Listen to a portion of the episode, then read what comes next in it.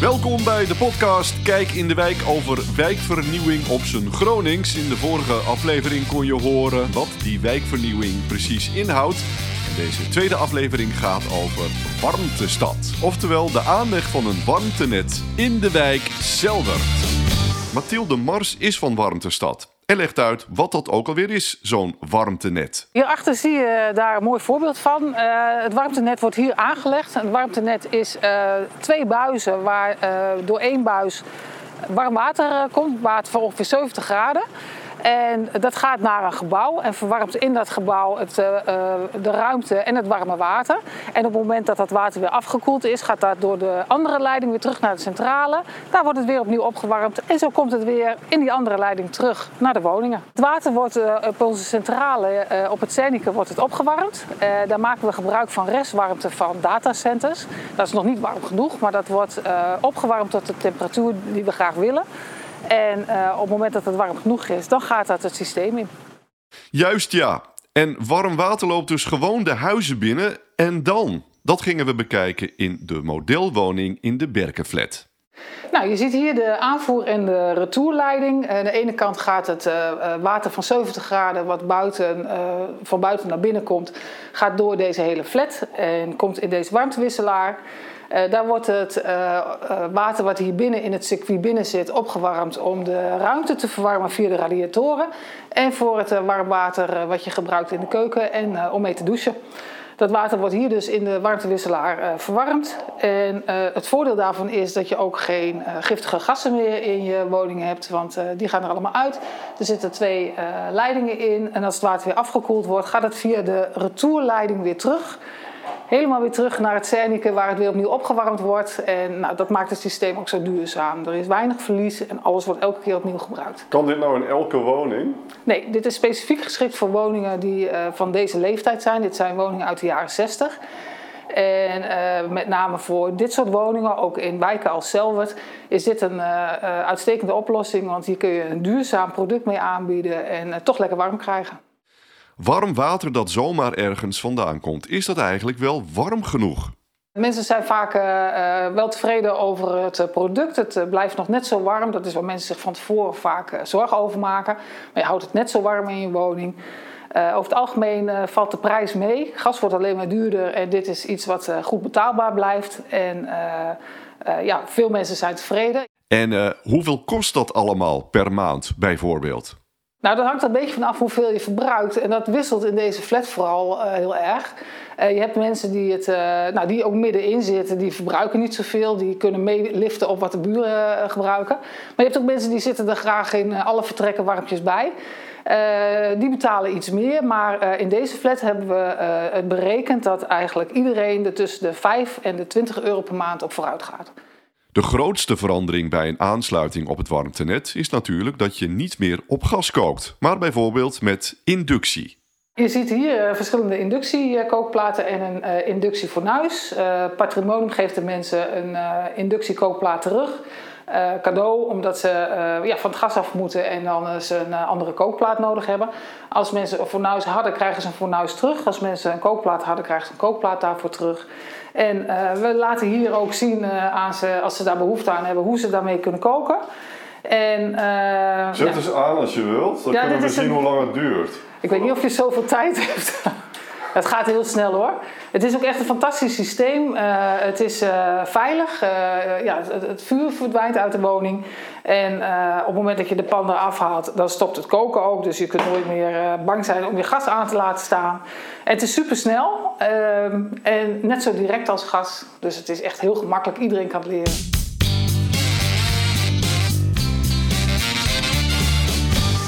Op straat komen we Anneke Davids tegen. Ze woont hier al sinds 1969 en dat was toen eigenlijk helemaal niet de bedoeling.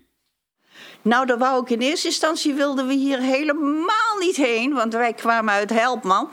Maar uh, toen kwamen die huizen hier en uh, nou, dat lokte ons toch wel. Ja. Wij woonden in een flat en we wilden graag een huis met een tuin en zo. Dus, nou, ja, we hebben drie kinderen en dat, die hebben, zijn hier heerlijk opgegroeid. Ze was de eerste bewoner van haar huis aan de Acacialaan. Waaraan merkt zij nou dat er hier van alles gebeurt in de wijk? Bijvoorbeeld de aanleg van warmtestad. Dat er veel rotzooi is. Verder niet zo hoor.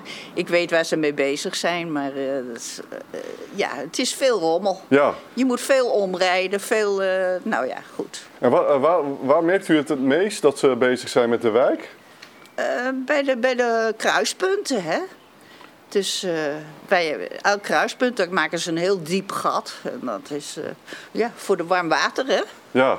Ik vraag me altijd af of dat of dat er kan allemaal. Het warmtenet bedoelt u? Ja, dat warmtenet. Ja. En wat, wat, uh, wat, wat, vraagt u zich af wat er niet kan dan? Nou, of het wel al die warmte die we uit de aarde halen, of dat wel goed is. En gaat mevrouw Davids zelf ook over op het warmtenet? Nou, ik wacht eventjes af maar hoe, hoe dat allemaal gaat. Maar ik sta niet te trappelen nog. Nee. Maar ik begrijp wel dat ze van het gas af moeten. Dat is... Uh, als ik zie naar die mensen die hun huizen kapot hebben. Nou, dat is verschrikkelijk.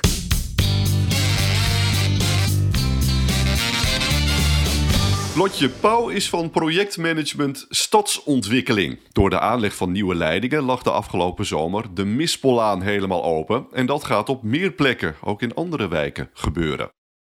Ja, en als dat allemaal open ligt, wat gebeurt er dan eigenlijk allemaal onder en in de grond? Nou, een hoop. De komende tien jaar zijn we bezig met de wijkvernieuwing hier in Stelwert. Dat betekent dat er in ieder geval een warmtenet wordt gelegd door een aantal straten. Uh, dat is ook een kans om daarna uh, bovenop het warmtenet uh, de openbare ruimte opnieuw in te richten en aan te leggen. Stadsbeheer gaat nog een aantal achterstallige onderhouddingen aanpakken. Welke? Uh, nou, hier wordt toevallig uh, wordt een uh, leiding ondergronds gelegd die vijvers aan elkaar verbindt. Wat interessant is voor het verbeteren van de ecologie. Maar stoeptegels die nu scheef liggen, kunnen we meenemen bij de nieuwe herinrichting. Ja. Ehm, struiken, bomen, planten. We hebben hier een parkeerterrein dat nu aangepakt wordt met een blauwe zone. Dus eigenlijk van alles wordt er verbeterd. Ook boven de grond zie je die wijkvernieuwing overal terug volgens Lotje. In de buurt, tussen de huizen en tussen de mensen. In het ruimtelijke, dat is vaak wat zichtbaarder, um, zijn we bezig met zowel de herinrichting van de straten volgend op het warmtenet, maar ook de andere straten gaan straks uh, op de schop. Op, uiteindelijk komt er betaald parkeren en daar zijn we ook al op aan het voortborduren. Bijvoorbeeld met een blauwe zone, maar ook straks in een nieuwe inrichting. Merk wat je vinden dat mensen daarvan betaald parkeren? Ja, wat noem ik nu? Uh, nou ja, dat is uh, gelukkig niet door onze wijken besloten, maar door de gemeenteraad. En veel mensen vinden dat zijn het niet gewend of kennen het nog niet. Dus die denken, ja, waarom moet ik nou gaan betalen voor mijn auto? Ja. Uh, ja, en daar heeft, is dan het antwoord op van... je maakt nu gratis gebruik van de openbare ruimte. We willen de openbare ruimte ook een andere functie gaan geven. Namelijk meer ruimte voor spelen, ontmoeten en ontspannen.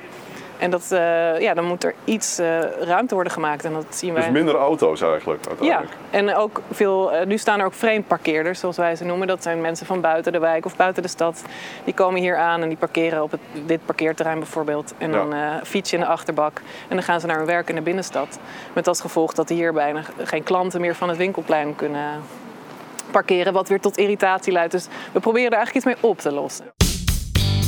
Dankjewel Lotje Pauw. Je luistert naar Kijk in de Wijk, de podcast over wijkvernieuwing op zijn Gronings. Dan naar Marlene van der Belt. Ze woont al jaren in Selwert en is steward bij het aannemersbedrijf dat de leidingen aanlegt van het warmtenet, zoals in de Mispellaan. Haar belangrijkste taak, zegt ze zelf ook, koffie zetten, maar vooral ook praatjes maken. Want zo hoort ze precies wat de bewoners hier allemaal van vinden.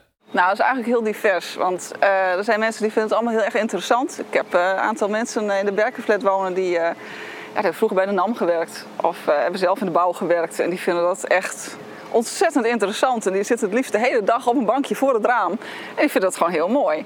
Maar er zijn ook heel veel mensen die zoiets hebben van... Nou, dat hoeft allemaal niet voor mij. En al dat lawaai. En we hebben net al de flat over de kop gehad. En dan krijgen we dit ook nog. En terecht, want het geeft ook veel gedoe. Je spreekt mensen gewoon sowieso al in het, in het voorbijgaan. En dan stellen ze best wel veel vragen. Hè. Wat gebeurt er nou? En dan leg je uit van, nou, warmtestad wordt hier gelegd, een nieuwe riolering. En uh, nou, dan wordt er ook gevraagd van, uh, hoe lang duurt dat? Nou ja, dat weet je meestal niet altijd helemaal. Je hebt ongeveer wel een schatting. Maar goed, er kan van alles gebeuren. En ik vertel ook altijd dat als mensen ergens hinder van ondervinden, of overlast ervaren, dat ze dat altijd mogen melden. Bij mij of bij mijn collega. Nou, dan gaan we gewoon kijken van, nou, wat, wat is die overlast? En kunnen wij daar wat mee, zodat dat gewoon wat verzacht wordt? Want ja, we zijn hier als bedrijf natuurlijk gewoon te gast in deze wijk. Ja, en we zorgen gewoon voor een heleboel troep. En dat is gewoon vervelend. Uiteindelijk wordt het wel heel mooi.